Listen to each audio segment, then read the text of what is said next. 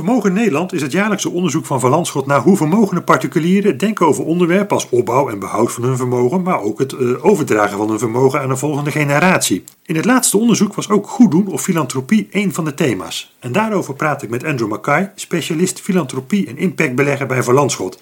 En we praten over hoe vermogende particulieren denken over filantropie en hoe ze goed doen. Mijn naam is Maarten van der Pas. Andrew, hartelijk welkom.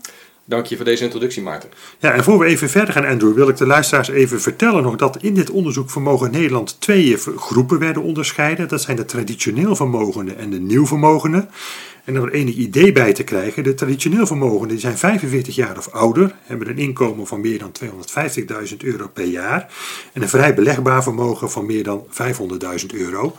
En de nieuwe vermogenden, dat is de jongere generatie, dat is de groep van 18 tot 45 jaar, die hebben een inkomen van 150.000 euro of meer per jaar en een vrij belegbaar vermogen van 150.000 tot 250.000 euro. Andrew, we hebben het over filantropie. Kun je nog voor om te beginnen eens even definiëren van wat is dat nou? Ja, filantropie. Nou, daar wordt wereldwijd heel veel onderzoek naar gedaan. Eh, onder andere ook in Nederland eh, aan de Vrije Universiteit eh, van Amsterdam. Ik moet zeggen, de definitie die zij ontwikkeld hebben, die, die spreekt mij ook aan.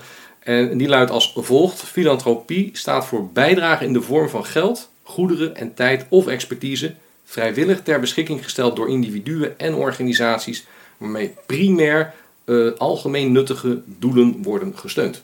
Oké, waarbij het natuurlijk belangrijk is ja, dat het vrijwillig is, dat het vooral ook het algemeen nut dient. en ook wel mooi, we denken natuurlijk al snel aan geld, maar het kan natuurlijk ook goederen zijn, of ja, je tijd of jouw kennis die je inzet voor een goed doel. Nou vond ik heel opvallend, een interessant onderscheid in het eh, onderzoek is dat de jongere generatie eigenlijk het inzetten van hun vermogen voor het verbeteren van de wereld veel meer als een morele plicht zien als de wat traditioneel vermogenden. Heb je daar een verklaring voor? Ja, dat is een mooie vraag. Uh, maar ik ga een poging doen. Ja. Uh, kijk, iedere generatie groeit op met een eigen wereldbeeld. En, en, en hecht daardoor in meer of in mindere mate ook uh, ja, aan bepaalde waarden.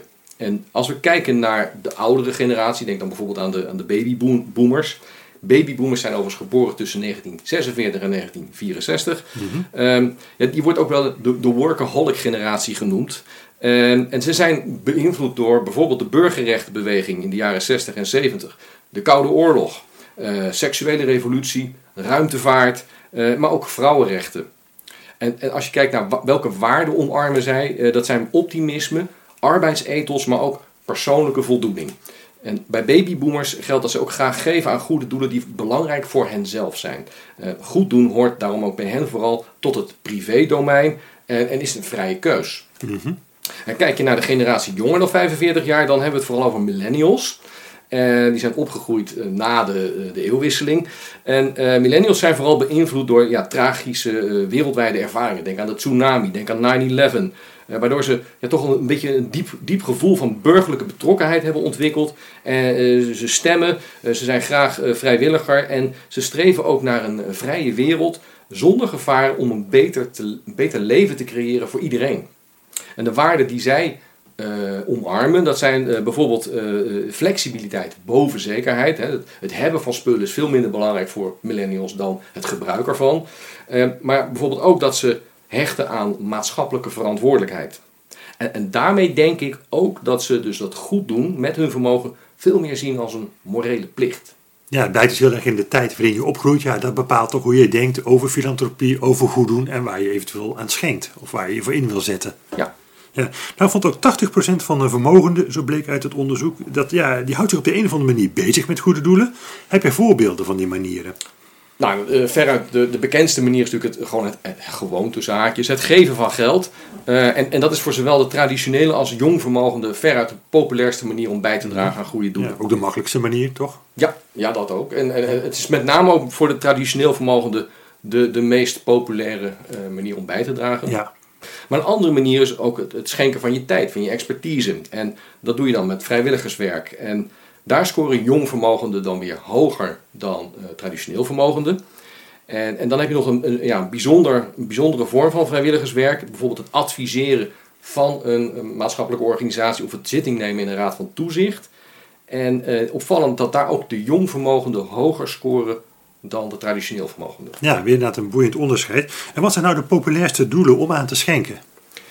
Nou, in dit onderzoek onder, onder vermogenden is, is gebleken dat, dat zorg of gezondheid en natuur en omgeving uh, de populairste doelen zijn. Uh, en, en dat met name bij de traditioneel vermogenden. Uh, nieuw vermogenden richten zich vaker op goede doelen die gericht zijn op, op duurzaamheid en op mensenrechten. En wat mij ook opvalt uit dit onderzoek is dat het thema ontwikkelingssamenwerking, dat, dat, dat 1 op de 3 van de vermogenden daaraan wil bijdragen of daaraan bijdraagt.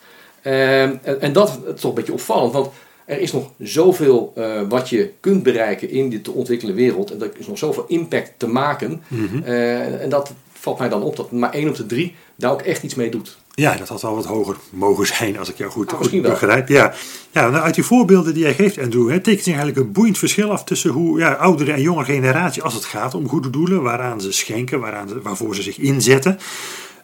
Ja, kom je toch ook weer niet bij die, dat onderscheid in generaties en in waarden en normen uit. Heb jij daar een verklaring voor, voor dat verschil? Nou, er is, er is inderdaad wel een verschil in voorkeuren, maar het is ook niet heel extreem.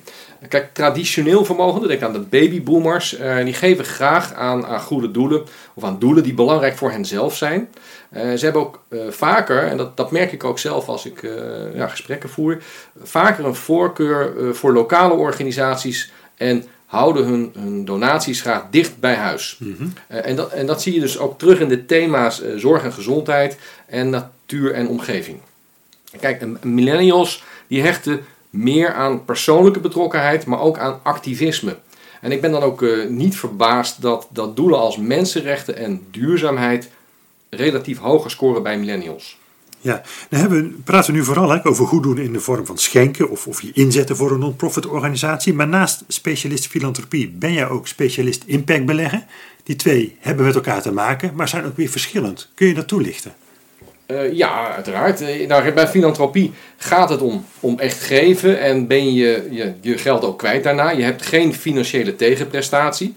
En bij impact investing, dan beleg je in bedrijven die naast een financieel rendement expliciet de intentie hebben om een, een oplossing te bieden voor een maatschappelijk pro probleem. Om een positieve bijdrage te leveren aan dat maatschappelijk probleem.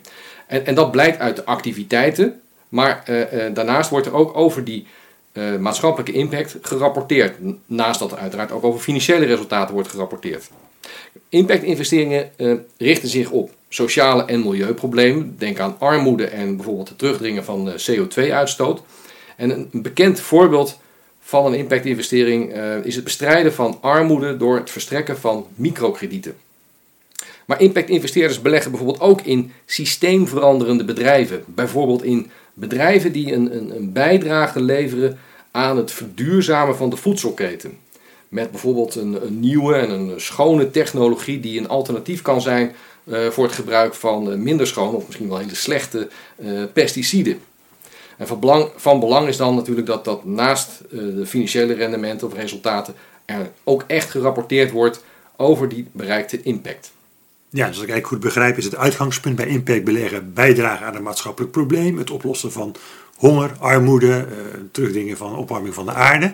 En dat het ook echt gerapporteerd wordt over wat wordt bereikt ja. met jouw investering. Oké. Okay. als luisteraars nou door deze podcast geïnspireerd worden en, en goed willen doen en, en, willen schenken aan een goed doel, Andrew, wat kun jij hen dan nog eh, meegeven? Nou, ik denk dat het belangrijk is dat je jezelf een aantal afwegingen uh, voorlegt en ook keuzes maakt. Bijvoorbeeld, uh, om te beginnen, wat zou je uh, willen veranderen? Wat zou je willen verbeteren of misschien wat zou je willen behouden bij kunst en cultuur mm -hmm. of een ander onderwerp?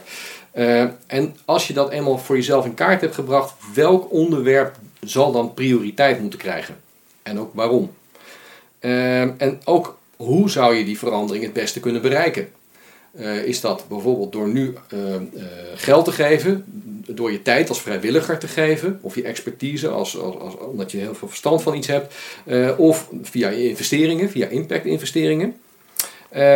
en ook met wie zou je kunnen samenwerken, dan wel waarin zou je willen investeren om die positieve verandering tot stand te brengen. En als je dan dit soort keuzes maakt, is het ook van belang om te weten wat is daarvan de, de impact of de invloed op mijn eigen persoonlijke doelen. Want als je gaat geven, dan, dan ga je dus uh, ja, ook uh, andere doelen mogelijk in gevaar brengen. Dus je, je, je mogelijkheid om je hypotheek af te lossen. Je moet oppassen dat je natuurlijk niet dat de boel een beetje in balans blijft. Mm -hmm. En ook van belang zijn natuurlijk de, de, de fiscale spelregels. Uh, nou, daar is een heleboel over te vertellen, maar dat zal ik nu niet doen. Uh, en, en, en, wat daarop aansluit zijn uh, ja, de manieren waarop je kan geven. en als je geeft, dan bedoel ik het echt over filantropie. Hè? Dat zijn dan ja. bijvoorbeeld de, de eenmalige gift, de, de periodieke gift, het fonds op naam en de eigen stichting. Ja, en wat is een fonds op naam? Kun je dat vertellen? Nou, bij een fonds op naam dan doe je een donatie aan een goed doel, wat uh, met het geld wat je gedoneerd hebt, dat is dan vaak een vrij groot bedrag, een, een fonds instelt uh, waar, waarover je dan een afspraak maakt met dat goede doel. Dus dat goede doel zal dat vermogen wat je hebt gegeven uh, alleen inzetten voor bepaalde projecten of programma's die je samen met dat goede doel hebt afgesproken. Oké, ja. Ja, en een eigen stichting, ja, dat zegt het al, dan richt je eigenlijk je eigen goede doel op. Klopt, ja. Geeft je veel flexibiliteit, maar ja, er komt ook wel wat verantwoordelijkheid bij kijken. Ja, nee, dat spreekt voor zich. Nou, hartelijk dank Andrew voor jouw uitgebreide toelichting op vermogenden en filantropie. En ik denk dat we interessante verschillen hebben gezien in toch hoe de oude generatie tegenover de jonge generatie ja, verschillend over filantropie denkt en waarvoor ze zich willen inzetten. Als u nu inspiratie heeft om te schenken, of misschien wilt u wel een eigen stichting oprichten, of wilt u meer weten over fiscale regels rond, eh, rond schenken, neem dan contact op met Andrew Mackay. Stuur hem een e-mail en zijn adres is a.r.mackay apenstaartje verlandschot.com. En Makai spel je als M-A-C-K-A-Y. Andrew, hartelijk dank. En ik bedank u voor het luisteren. En u vindt Andrews e-mailadres ook nog in de beschrijving van deze podcast.